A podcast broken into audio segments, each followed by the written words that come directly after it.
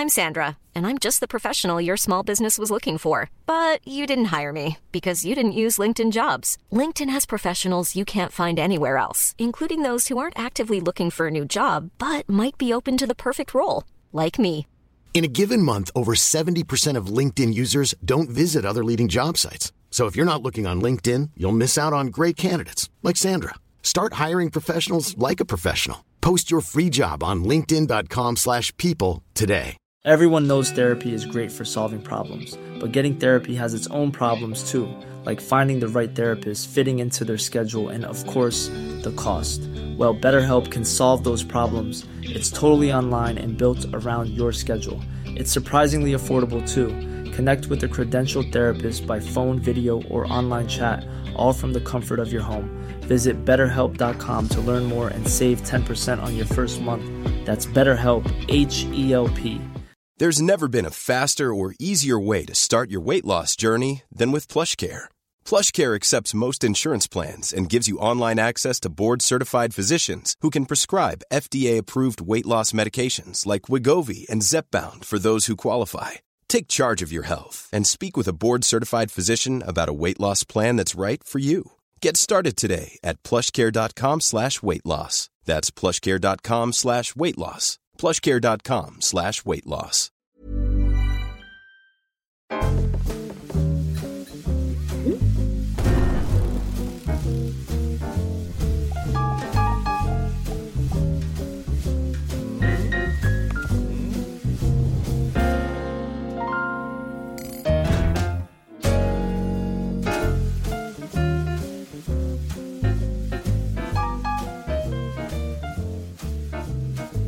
Ja, men då ska ni känna er hjärtligt välkomna tillbaka till Hockeylabbet som eh, återvänder med eh, fräscha perspektiv på eh, framförallt svensk men också lite internationell ishockey ur ett eh, eh, avancerat statistikperspektiv. Henrik Larsson heter jag och med mig som alltid Simon Brännström. Tjena tjena. Hur är läget? Jo det är bra, jag mår fint. Det börjar bli lite den här känslan av eh, grus på gatan, lite ljusare på kvällarna. Slutspelshockey ligger runt hörnet. Så. Men jag mår fint, hur mår du själv? Jag mår alldeles utmärkt. Eh, får lite samma känsla. Det är ju det här, det är det här slutspelsljuset. Det, det, börjar liksom, det börjar verkligen kännas att vi kliver in i ett avgörande skede här väldigt snart. Mm, många, många streck som, som, som ska bråkas om. Ja, och eh, en del av eh, det här samtalet som vi kommer att ha idag kommer att fokuseras just runt de här strecken. Det är till och med där som vi kommer att börja. För inför eh, det här avsnittet så har vi öppnat frågelådan igen och den har blivit relativt välfylld, eh, vilket vi tycker är väldigt roligt naturligtvis. Och som sagt, streckkampen i SHL framförallt är eh, högdramatiskt, inte minst kring det, kring det allra nedersta. Vi vet sedan tidigare att Oskarshamn numera är helt klara för eh, kval, negativt kval. Men eh, vilket lag kommer det bli som eh, kommer att få eh, slå Oskarshamn följe? Det är lite det vi kommer att titta närmare på nu och har då för enkelhetens skull ställt Malmö och HV71 mot varandra efter en fråga som vi har fått in om just detta, eller hur? Ja, precis. Det var ju mer eh, frågeställaren i sig som sa att eh, undrar lite hur eh, vad vi säger om slutspurten och vad som talar för emot Malmö HV då i det här fallet eh, som frågan var. Och eh, jag kan väl inte annat än hålla med om att det är väl kan man väl nästan slå fast att det är de här två lagen som det kommer stå om. och det var där vi började och grotta ner oss lite i siffrorna och hittade väl lite intressanta saker som eh, ja, talar för och emot båda klubbarna. Ja, när vi spelar in det här, så det är alltså på eh, tisdag eftermiddag, det kommer att spelas en match ikväll en omgång ikväll. Eh, men när vi spelar in det här så är det sju stycken omgångar kvar då att spela av eh, säsongen. Eh, HV71 ligger på 13 plats just nu på 50 poäng under strecket. Malmö på 53, tre poäng alltså för eh, HV71. Eh, och för enkelhetens skull så har vi valt att ställa de här två lagen mot varandra då utifrån den fråga som vi har fått. Ehm, Ja, men jag tror också det är svårt. Det är svårt framförallt för HV för att eh, plocka så pass många poäng så att de ska ge ikapp eh, väl eh, sju eh, faktiska poäng och kanske åtta till och med då med målskillnad upp till Rögle. Nyckelmatch direkt här när Rögle faktiskt möter HV71. Eh, Mm, ja verkligen. Men, vin, vinner de den då är det ju, då är ju det fönstret, känns det fönstret ganska, ganska igenklappat. ja, och sen är det som du säger, det är en match ikväll här så det kommer väl kunna hända en hel del med eh, våra tankar efter det också. Men eh, vi har ju vårt utgångsläge och eh, ja, jag tycker det känns intressant att att grotta ner sig lite i det. Eh, det är som du säger, det är 50 respektive 53 poäng så man tycker att tre poäng är hit och dit inte så mycket men det är ju egentligen är det väl fyra med tanke på målskillnad. Eh, och att de möts i, möts i sista matchen där gör väl egentligen att eh, det blir väl framförallt matcherna fram till sista matchen som blir roligare att titta lite på och eventuellt utfall i de matcherna. Eh, men om vi, om, vi, om vi börjar måla lite med de breda penseldragen här då, vad, vad hittar vi först för övergripande form hos eh, respektive lag? Var har, var har vi Malmö respektive HV71 just nu? Det beror lite på hur man filtrerar kan man väl säga. Kollar man efter jul så skulle jag säga att HV har en eh, form som ser ut, ser ut ungefär som den gjorde i höstas. Det vill säga direkt svag tillsammans med Oskarshamn och Malmö. Tittar man dock sista 11 matcherna som är de sista 11 matcherna är alltså de matcherna sen Malmö och HV möttes senast så ser det helt annorlunda ut för HV71. Man har under den här perioden skapat eh, mest eh, chanser i ligan. Eh, släpper till ungefär lika mycket som man har gjort tidigare under året. Men offensiven har varit vansinnigt mycket bättre under den här eh, tidsperioden. Och för eh, Malmös del då, spontant så känns det som att det inte är riktigt lika ljust där ens, varken under ett kortsiktigt eller långsiktigt perspektiv. Nej, det med skillnaden där är ganska mycket mindre. Om man kollar under den här tidsperioden så ligger de ungefär på samma plats som de gjorde har gjort under tidigare eh, delen av säsongen. Så eh, den är ju inte, eh, utgångsläget var ju inte bra och det har blivit lite sämre sedan dess också. Så man skapar lite färre chanser och släpper till eh, faktiskt lite mindre chanser också. Men offensiven är så pass stor nedgång på så att eh, det kompenseras inte av att man har varit lite tajtare hemåt. Ehm, eh, Så det är eh, inte så starka papper 5 mot 5 för, eh, för Malmö. Och en, en annan sak vi kan tillägga där är att det inte är särskilt starka papper för Malmö i numerärt underläge heller. Man har ju tillhört en, en av de sämsta eh, lagen i ligan där och kollar vi XG framförallt på slutet eh, efter nyår så eh, ligger man riktigt risigt till. Man har klart sämst XG bakåt i, i boxplay eh, under 2024. Eh, vilket blir en ty, tydlig akilleshäl. Mm. Ja, jag såg att siffrorna var 14 lag i ligan över säsongen där i boxplay också. Så det har inte sett bra ut eh, egentligen under hela säsongen. Men som du säger så har det väl varit ett eh, extra stort hål där sista, sista tiden. Finns det någonting som du känner talar tydligt för Malmö inför den här slutstriden? Ja, det är väl att de har tre poäng fler skulle jag säga. Det är väl eh, det som talar mest, eh, mest för dem. Och att eh, de har sista matchen på hemmaplan mot HV71. Vilket eh, kan, kan gynna dem väldigt mycket. Eh, framförallt om man tittar på HVs svaga bortafacit och även svaga underliggande siffror i, på bortaplan. Eh, kollar man på deras egen insats så är det väl inte mycket som talar för att det kommer plockas jättemycket poäng här på slutet. Eh, de har ganska tufft spelschema och möter många lag i den ja, men uppe högre kvadranten där med Färjestad och eh, de har även Växjö. Eh, Leksand har väl varit lite svajiga sistone men de har ju fortfarande fina underliggande siffror, något dalande på sist, sista tiden. Men de möter ju många av de här bra lagen också sista sex matcherna här. Om vi stannar upp vid, vid HVs bortaspel då. Eh, för att utfallet känner, vi alla till. Det, det är en av de absolut sämsta säsongerna i SHL som har gjorts på bortaplan överhuvudtaget. Mm.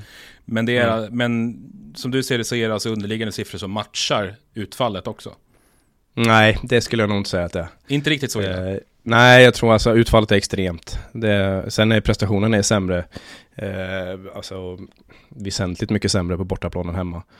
Tittar man framförallt på, tittar man på den offensiva parametern då så kan man se att man skapar ungefär 50% mindre XG på bortaplan än vad man gör på hemmaplan.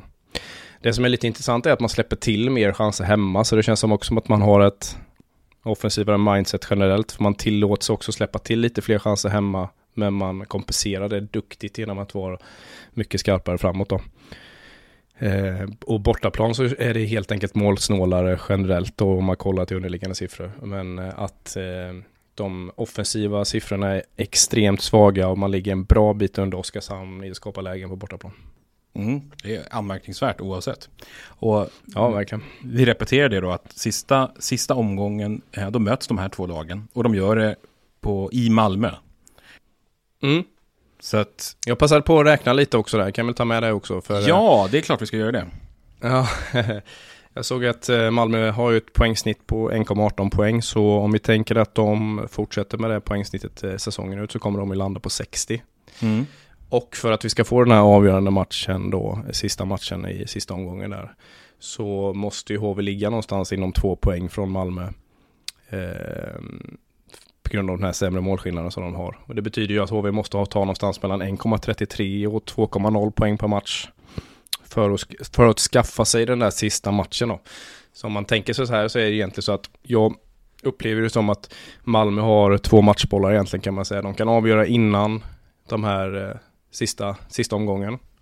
Och kommer man då till det läget att det blir en sista match så har man ju ändå en sista matchboll på hemmaplan mot ett eh, borta svagt HV71. Men så som du eh, tänker dig så, så står, kommer vi ändå stå inför ett avgörande i den sista, sista omgången. Ja, men alltså det är alla typer av eh, scenarion som jag har räknat på. Jag räknar även på om exempelvis eh, till att Malmö bara tar en poäng här, eller en vinst där på de sista sex. De har Oskarshamn, Oskarshamn hemma. Borde kunna vara tre ganska enkla poäng. I övrigt ganska tufft spelschema så innebär det att HV kan ta mellan 0,67 och 1,33 poäng och då blir det ändå den här avgörande matchen i sista. Så om, inte, om det inte är så att HV tar upp på två poäng per match och att Malmö går nästan tomt så kommer nog sitta här i sista omgången och ha den här matchen framför oss. Det är ju onekligen extremt spännande. Eh, Mm, någonting ju verkligen att se fram emot. nervdaller för samtliga fans. En match som kommer bli lite som ett minikval innan kvalet liksom. Kan vi utifrån de eh, siffror som vi har att tillgå dra någon form av slutsatser om hur, hur det kommer att gå i slutändan då? Mm, kollar man på de matcherna som har spelats tidigare mellan lagen så är det ju klar fördel Malmö i underliggande siffror. Och eh, även om du tar bort den här matchen som blev 0-8 så eh, har Malmö varit starkare i båda de andra två matcherna också. Eh, så det är ju liten fördel Malmö men jag menar det är ju inte så att vi pratar några 70-30 här utan det kanske kanske är 55-45 eller 60-40% i en sån här match eh, skulle jag säga. Så strid på kniven in i det sista. Mm, det kommer bli eh, spännande på det kanske inte mest positiva sättet. Positivt för om man är en neutral åskådare i alla fall. Ja, Eh, jo absolut. Och, Eh, och gillar, ur gillar s- spännande hockey rent generellt. Eh, ja, ja, men summa summarum då. Eh, HV med uppåtgående trend, men eh, Malmö med eh, in, starkare siffror inbördes och eh, viktig eh, poängmässig kudde med tre stycken poängs försprång och en eh, målskillnad då som HV in, inte har. Ja, och också en liten hemmaplansfördel i sista, eventuell sista match på det. inte minst det. Eh, någon, som, någon sak som kommer bli tydlig i alla fall är ju betydelsen av, av Malmös offensiva spjutspetsar där när det kommer att dra ihop sig. Man for, har ju fortsatt ligga väldigt tungt på sina, de få producerande spelare man har. Det är eh, väldig skillnad i det där laget mellan de eh, offensiva spjutspetsarna och de som, de som eh, eh utgör bottensexan i det där laget. Om vi tittar forwardsmässigt. Ja, men så är det och sen kommer det ju vara, nu är det ju eh, kanske en match då så det kommer ju bli en eh, riktig sån målvaktskamp där också och det känns också svårt att förutspå. Eh, Dickov har ju väldigt fina siffror med ganska lite data. Eh, Marmelind eh, började väldigt bra, kanske haft en lite dalande eh, formkurva men har fortfarande över säsongen väldigt fina siffror så det är svårt att utnämna någon klar favorit på eh, målvaktssidan heller eh, där. Nej, precis. Eh, men, som du säger, här och nu-formen på Dickov, eh, med restriktion då för att det inte finns supermycket att ta av. Den är, den är grym. Han är, han är räddar en, en halv, ett halvt mål per match mer än han ska just nu. Eh, Mm. Sen han kom till HV. Vilket ju är tufft att hålla i, men, men jättefina siffror här och nu. Och HV har känns det ju generellt att de har varit betydligt fladdrigare än vad Malmö har varit hela säsongen. Ja. Malmö har väl egentligen legat på den här nivån eh, över, över hela säsongen men har fått liksom lite spridda skurar utfallsmässigt egentligen. Mm, jo, men samtidigt så börjar väl de säsongen otroligt starkt och har väl fallit tillbaka mer och mer under tiden kan man väl säga. Men det var ju också en utdelning som kanske inte var i paritet med prestationer i början och är ganska mycket drivet av att Malmö var väldigt, väldigt bra under hösten. Ja, koll, kollar vi effektivitetsmässigt så har ju, låg ju Malmö fram till nyår eh, var de ju topp tre vad gäller att, att prestera över sina siffror. Eh, men eh, har ju fallit ner till en eh, nivå där man ligger liksom i, i mitten av tabellen. Eh, sett till eh, den XG, utfall sett till den XG man skapar. Eh, och då har ju resultaten blivit därefter. Därifrån har man ju rasat ganska ordentligt i tabellen också.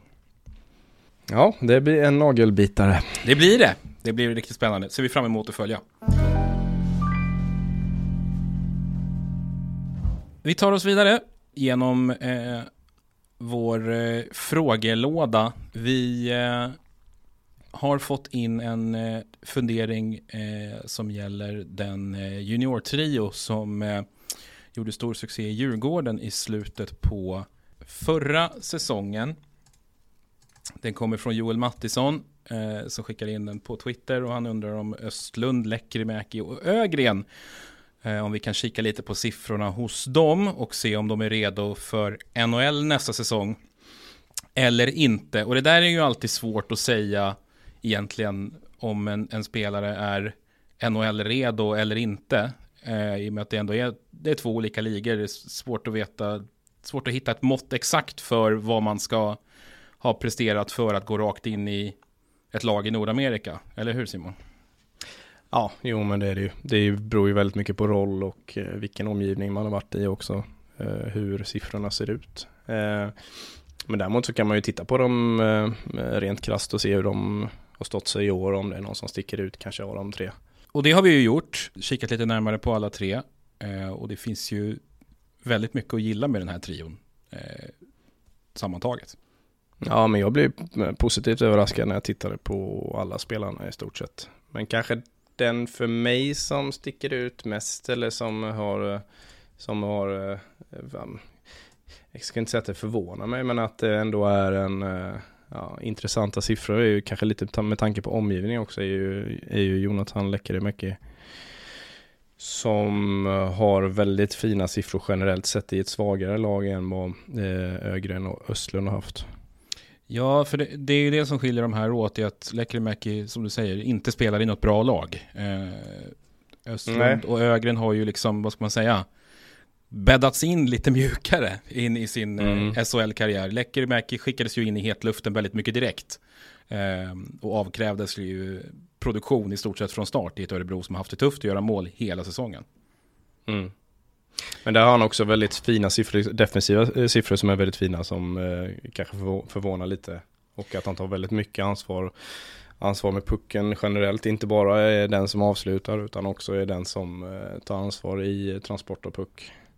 Ja, jag, jag slogs lite av samma sak också faktiskt när jag, när jag tittade på honom. Att han, han är defensivt stabilare än, än vad jag än, än, vad man har fått bilden av i alla fall. För att det är mm. ju framförallt hans målskytte och, och offensiva sinnelag som liksom lyfts fram när det gäller honom. Men, men han är en väldigt ansvarstagande spelare eh, och, och mm. jobbar faktiskt riktigt bra över hela isen. Ja men verkligen och att han har så mycket puckinnehav eh, förvånade mig. Men det kanske har mer med min okunskap att göra men eh, han är ju verkligen ingen endgame-gubbe som bara eh, står och väntar på skott utan det är mycket puckinnehav och eh, mycket andra eh, faktorer som eh, ligger, ligger högt i de här parametrarna som jag tittar på.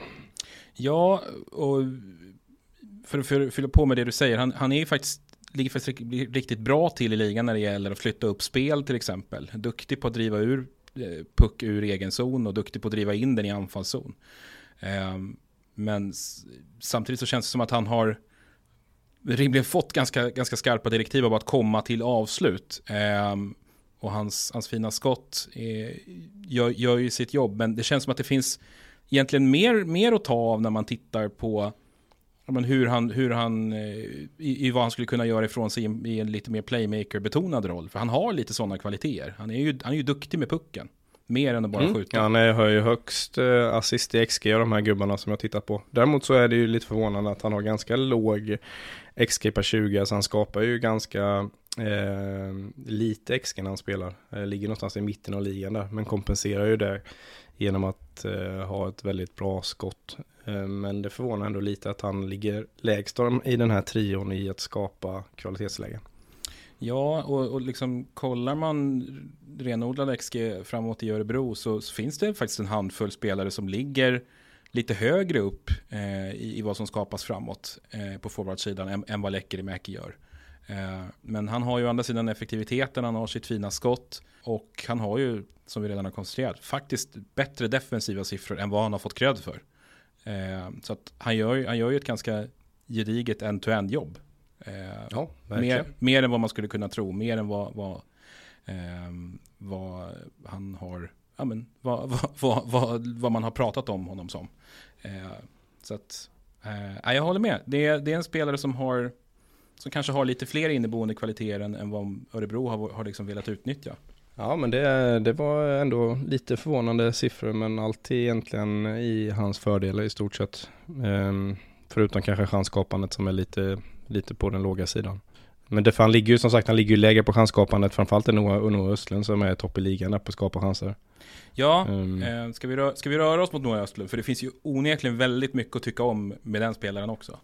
Ja, verkligen. Ehm, det skapas ju mycket, mycket runt kassen när han är inne, det får man säga. Ehm, men det ser ju även väldigt bra ut på de defensiva siffrorna som absolut till viss del kan vara driven av att man spelar i ett defensivt skickligt lag som sådant. Men eh, eh han skapar både framåt och han har också som eh, Lekkerimäki också väldigt mycket puckinnehav.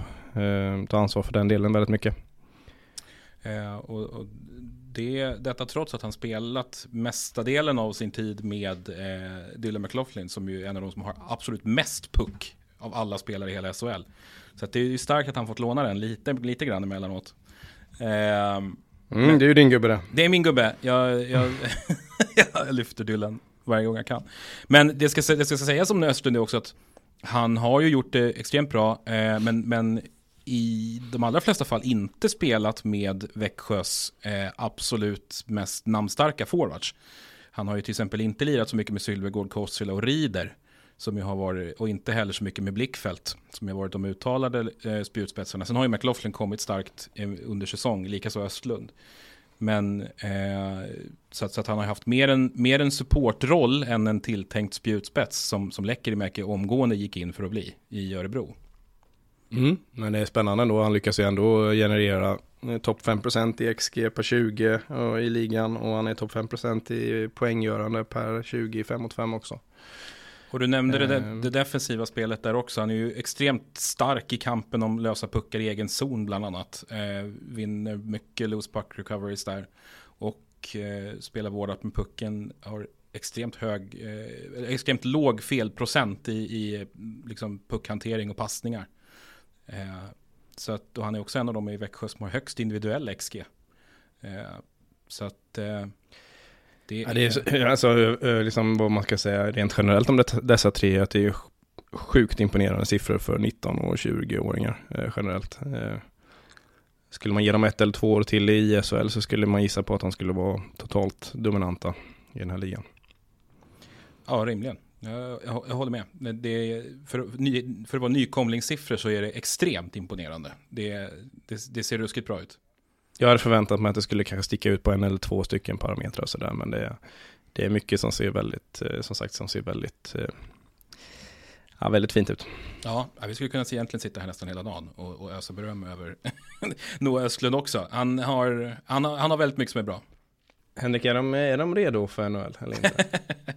ja, det vet inte jag. Jag har inte, jag har inte siffrorna på det. Om, om exakt vilka parametrar man ska fylla i för att vara redo för NHL. Jag... Eh, eh, svårt, svårt. Det är väl inte omöjligt va? det, är, det, är väl absolut, det är väl absolut inte omöjligt att alla tre skulle kunna gå in i, i, eh, i, i varsitt NHL-lag. Alltså de har ju spetskvaliteter allihopa egentligen. Ja. Eh, som funkar där borta. Eh, Östlund ser ju, känns ju, har ju jämförts tidigare med eh, Henrik Zetterberg bland annat. Han, han har ju den eh, lite ansvarstagande profilen. Eh, mm. Kombinerar offensiv och defensiv eh, styrka på ett väldigt bra sätt.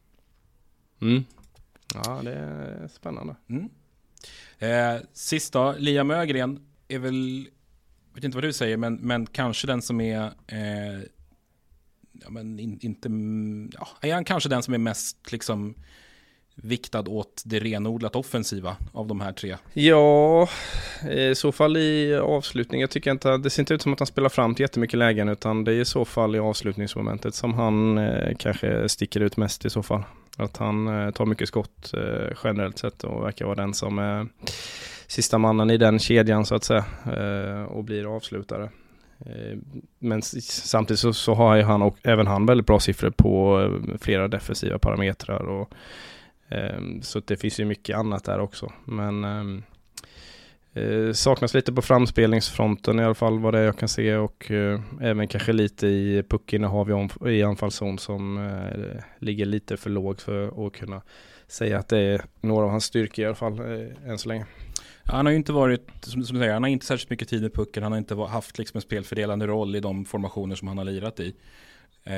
men skjutit mycket och stundtals mm. bra. Mm. Eh, kommit till avslut på ett bra sätt. Eh, en sak som är lite Fast det känns ändå som att han kommer, det är ganska mycket utsida, utsida mm. skott. Det, är inte, det, är inte, det känns som att hans eh, mål har ju mer drivits av att han har skjutit väldigt mycket. Mm. och inte att lägena har varit så bra i genomsnitt egentligen. Utan, Ja, men det, med det sagt så, inte för att låta negativ, det ser fortfarande väldigt bra ut. Det är många, många saker som eh, ser jätte, jättebra ut, men eh, det finns kanske lite att jobba på där. Ja, och det, och det speglar sig bland annat i att han har väldigt hög corsi när han är på isen. Men ganska, inte ganska låg, men förhållandevis låg XG i jämförelse med hur hög corsi han har. Eh, mm. vilket gör att, som du säger, det, det, det, stärker ju det att det skjuts mycket, men kanske inte från rätt plats exakt hela tiden. Nej, exakt. Det, väl, det går ju. Om man, är, om man har puck väldigt mycket så går det ju att kompensera med att skjuta mycket. Liksom. Eh, en kombination där, då blir man ju som allra farligast. Någonting som jag slogs av när jag tittade på honom var också att han tycks arbeta väldigt aktivt utan puck i offensiv zon. Han, han ligger ganska högt i återtar spel i, i anfallszon. Vinner, vinner en del lösa puckar där, eh, bryter rätt mycket passningar eh, och, och ser till att hålla spelet kvar i, i offensiv zon. Eh, så där har han ju en, eh, en, en ganska, ganska tydlig, eh, tydlig spetsegenskap. Mm. Och det ska säga det också, det, nu, nu pratar vi utfall, eh, vilket jag vet att du, du, du blir lite, ja, det är inte din grej. Men han har ju... Jo, men det kan man göra. Han har ju på senare tid också... Man vet vad man pratar om. Han har ju på senare tid när han sattes ihop med Mikael Lindqvist och eh, Linus Johansson väckt deras respektive säsong riktigt ordentligt. Eh, innan, innan de sattes ihop så hade ju Mikael Lindqvist gått poänglös i 14 eh, 14 matcher och var mållös i 19. Och eh, Johansson var, var mållös i 19 matcher han också och hade en assist under den perioden. Nu har det bara rasslat in eh, poäng här hos alla tre som de satte samman. Så att eh, de har tydligen mått bra av att spela med Ögren i alla fall. Ja, härligt. Få mm. igång lite äldre gubbar när man är 20 bast själv. Det är väl perfekt. Eller hur? De kan säkert lära av varandra. Men på det hela taget, vi är otroligt imponerade av de här tre. Mm, verkligen. Det är häftigt att se att man kan ta sådana steg. Eh, och göra en sån, eh, vara en sån betydande faktor i en liga där man inte varit innan. Um, och uh, tar vi med oss någonting lite oväntat? Ja, kanske att Jonathan Lekkerimäki är lite mer defensivt solid än, än, vad, äh, än, än vad han ja, har lite mer komplett än vad jag tänkte. Ja. Jag. ja. Spännande. Vi, uh, vi tar oss vidare. Mom deserves the best, and there's no better place to shop for Mother's Day than Whole Foods Market. They're your destination for unbeatable savings, from premium gifts to show-stopping flowers and irresistible desserts. Start by saving 33% with Prime on all body care and candles. Then get a 15-stem bunch of tulips for just $9.99 each with Prime. Round out Mom's menu with festive rosé, irresistible berry chantilly cake, and more special treats. Come celebrate Mother's Day at Whole Foods Market. I'm Sandra, and I'm just the professional your small business was looking for. But you didn't hire me because you didn't use LinkedIn jobs. LinkedIn has professionals you can't find anywhere else, including those who aren't actively looking for a new job but might be open to the perfect role, like me. In a given month, over 70% of LinkedIn users don't visit other leading job sites. So if you're not looking on LinkedIn, you'll miss out on great candidates like Sandra. Start hiring professionals like a professional. Post your free job on linkedin.com slash people today.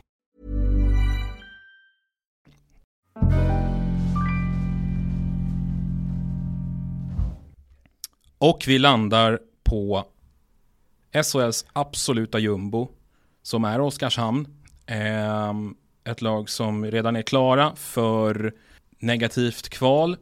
Vi eh, fick en fråga eh, ifrån David Hedberg som, som säger att det vore intressant att få en analys kring Oskarshamn. Hur dåliga är de egentligen? Besitter SHLs, inom citattecken, bästa tränare två år i rad. Nu när stjärnorna sviker är man klappkassa. Så eh, frågan då, hur dåliga... Han är inte imponerad. Han är inte imponerad. Det är inte så många som har varit imponerade av Oskarshamn. Och eh, frågan riktar jag direkt till dig. Hur dåliga är Oskarshamn? Vi ska försöka svara, svara på den frågan. Vi kan Ja. ta lite historik först med Oskarshamn. Eh, Ja. Han, eh, han skriver lite om att, eh, att man blivit räddad av overklig utdelning snarare än struktur. Vilket tyder på det som att man kanske inte, alla han antyder ju att man, spelet har inte varit så bra innan heller, men att man har räddats av att man har haft skickliga spelare eller att man har haft mycket utdelning på de chanser man har skapat. Och det är ju delvis sant. Kollar vi förra året så gjorde eh, Oskarshamn 20 mål fler än förväntat i 5 mot 5. Tju- om Det är 20 mål, är- det är väldigt mycket. Eh, Det var bara HV71 som gjorde fler mål förra året. eh, I en så kallad effektivitetssignal kan man väl säga. Ehm, Och kollar man året innan det så låg de också i toppen. Då var det väl en 8-9 mål tror jag över förväntat. Så de har ju absolut gjort fler mål än man förväntat. Eh, Tittar man på det i år så ligger man ungefär fem mål under i eh, antal skapade, jämfört med skapade målchanser. Mm. Så det är ju ja, det är väldigt stor skillnad och det är bara det ger ju ett stort utslag på hur, eh, var man hamnar i tabellen.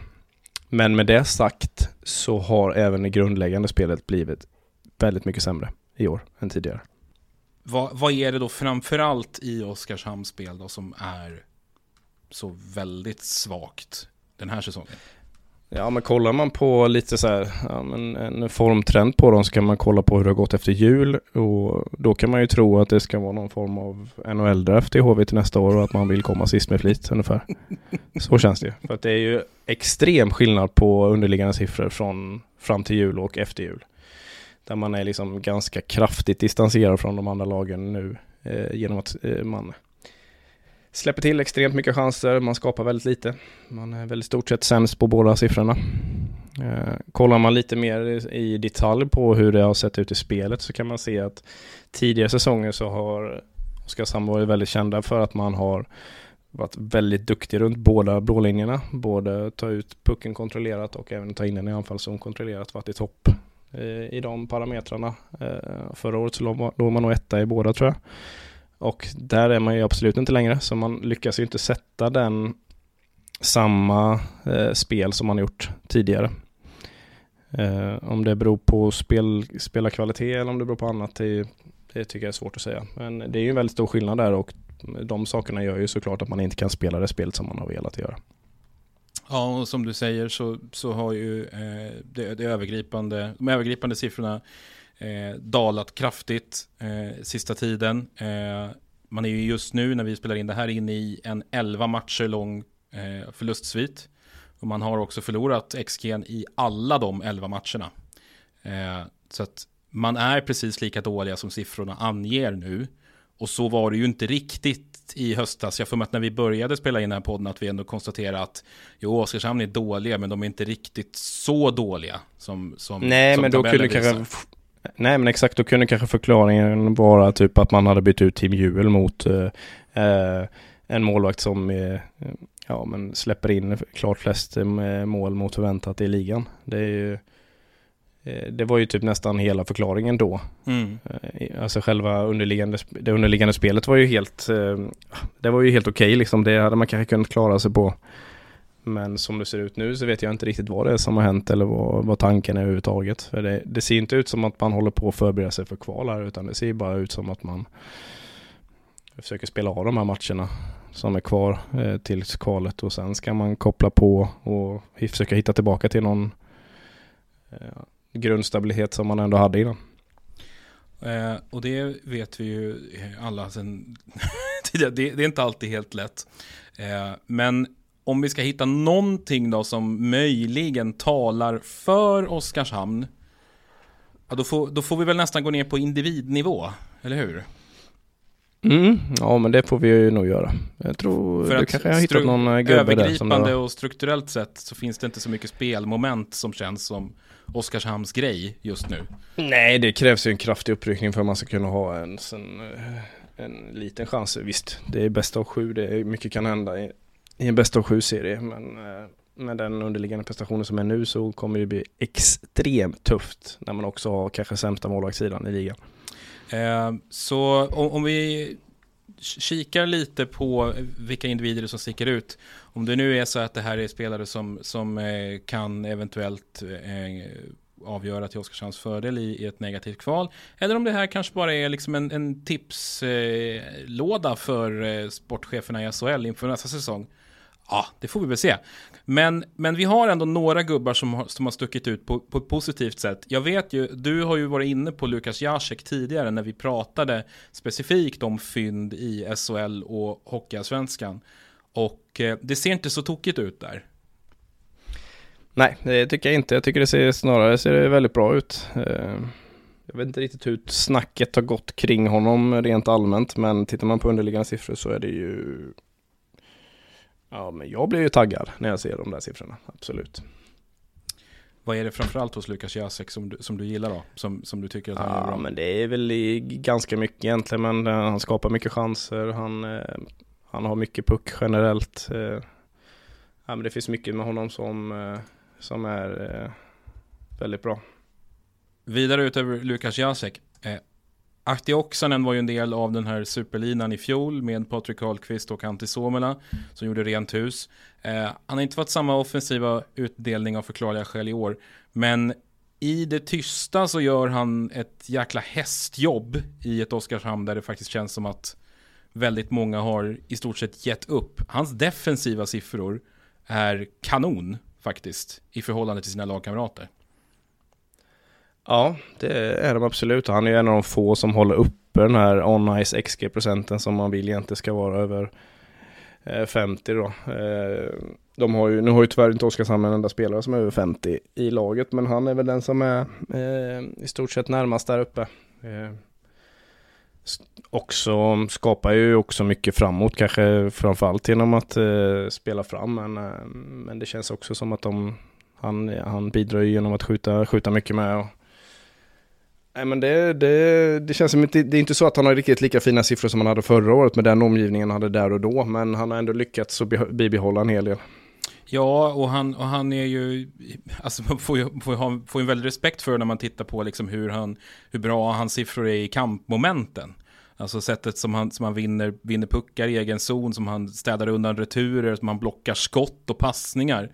Han, han ligger riktigt högt upp i dem och, och han vårdar puck på ett bra sätt. Han skyfflar ut puckar ur egen zon i numerära underlägen ordentligt utan att slarva och sånt där. Han är liksom, han är extremt rejäl i, eh, på egen planhalva.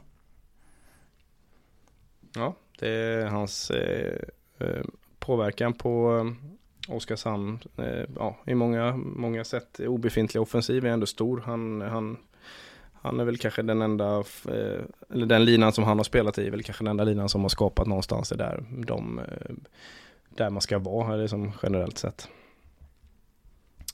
Um, vidare då så eh, en spelare som fick ganska mycket uppmärksamhet i början av säsongen. Han startade väldigt starkt, fick en riktigt vass poängutdelning då. Eh, men som har fallit bort lite i takt med att eh, vi helt enkelt inte har pratat så mycket om Oskarshamn rent generellt i Hockeysverige annat än om hur dåliga de är. Det är Viktor Ludin som han faktiskt har alldeles enastående siffror i en, i en hel del kategorier fortfarande. Mm. Eh, verkligen. Han tar ju sjukt mycket ansvar för ingångar och han är ju, eh, nu kommer jag inte ihåg exakt hur han var, men han var väl topp tre i eh, passningar till förväntade mål. Mm.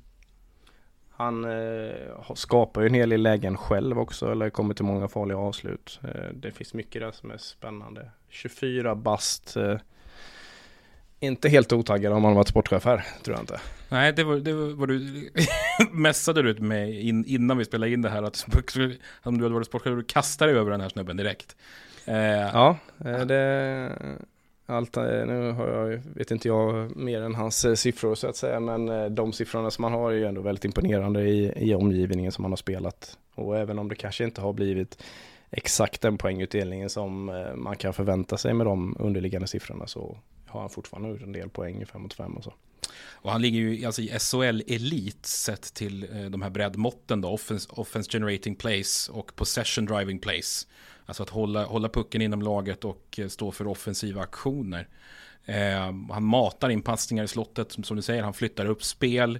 Han är, han är offensivt nästan komplett alltså. Det är väldigt mycket bra grejer med Viktor Olin fortfarande. Mm. Ja men det hade varit spännande att sätta honom i en omgivning där eh, kanske laget i sig är lite stabilare defensivt och han får lite andra lekkamrater och se vad som händer. Men eh, en stor, stor uppsida finns ju här i alla fall. Eh, uppsida finns det också, kanske inte jättemånga på, på försvarssidan. Det är ett sorgekapitel för Oskarshamn eh, rent generellt. Men ett utropstecken finns i David Quenville som har varit rätt mycket upp och ner under sina år i SHL eh, och haft perioder då han har varit utanför laget till och med. Eh, men han gör i skymundan en riktigt stark säsong. Framförallt offensivt han också.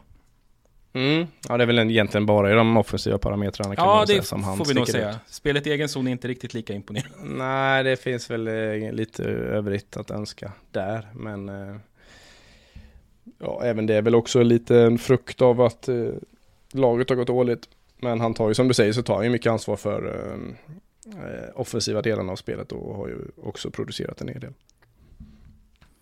Eh, en som inte producerat i, i riktigt samma takt som, som tidigare Eh, och som vars säsong nu redan är körd eh, är Patrik Karlqvist. Det har ryktats om honom till Örebro.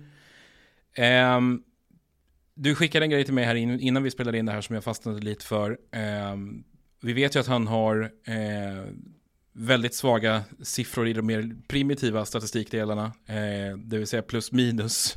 Eh, men Patrik Karlqvists 5 mot 5 siffror det är någonting eh, utöver det vanliga. Ja, det var väl Onna XG där som han var kraftigt distanserad och sist i laget. Eh, och det är ju väldigt oroväckande att en spelare kan sticka ut sådär mycket i det måttet. Eh, man har ju såklart fyra andra man delar isen med samtidigt men har man då sådana siffror på egen hand då är det någonting som är galet. Ja, eh, det, det, vi, vi, kommer att, den här, den här grafen tror jag nästan vi måste lägga ut. Eh, mm. För att den visar dels eh, hur fin Oksanen är i samma, samma hänseende i förhållande till sina lagkamrater. Men det, det, det är brutalt för Patrik Karlqvist och sättet det ramlar in chanser bakåt när han är på isen i 5 mot 5. Mm. Ja, har man nu valt då kanske, det var väl prat om att de skulle gå mot en mer defensiv taktik så är det kanske väl inte helt dumt att inte Karlqvist spelar jättemycket. Eh, han har ju sina stora uppsidor där fram, även om de siffrorna är svagare i år också än vad de varit innan. Eh, men jag kan väl posta den där på vår Instagram-konto. Eh, så eh, jag kan även lägga ut den på min, eh, mitt ex-konto där så kan ni få se lite hur, hur han ligger till jämfört med de andra i laget spontant, utifrån min spontana reflektion i alla fall, att jag vet inte om Oskarshamnssupportrarna behöver sörja så himla mycket att Patrik Karlqvist inte är med i det här kvalet. Eh, åtminstone inte så länge det är lika många spelare på isen i vardera lag. Nej, eh, kommer säkert saknas en hel del i 5 mot 4 kan jag tänka mig. Mm. Men jag tror, jag tror ju så här att han, ehm, eh, hans eh, defensiva siffror har ju alltid varit ganska svaga. Men har ju kompenserats kraftigt av att man har varit så pass bra framåt. Eh, nu när inte det funkar riktigt lika bra i år, då blir det ganska tydligt att, eh, att eh, ja, nettot däremellan blir alldeles för svagt. Och, ja, det är inte ofta man ser att en spelare som har spelat så pass mycket sticker ut så mycket i ett lag i, i, i negativt sätt. Nej, eh, som sagt, de här siffrorna kommer ni att kunna få ta del av. Eh, väl, väl värda att, att kika på. Eh, med Patrik Karlqvists katastrofsiffror i 5 mot 5 så sätter vi punkt för den här veckan. jag hade några frågor ytterligare att ta, att ta itu med, men vi, vi spar dem till nästa gång vi eh, sitter ner och, och snackar med varandra, vilket blir om cirka två veckor. Då vankas det slutspel i eh, Hockeyallsvenskan och i SHL. Eh, det ser vi fram emot. Väl mött då. Tack så mycket för att ni var med oss idag.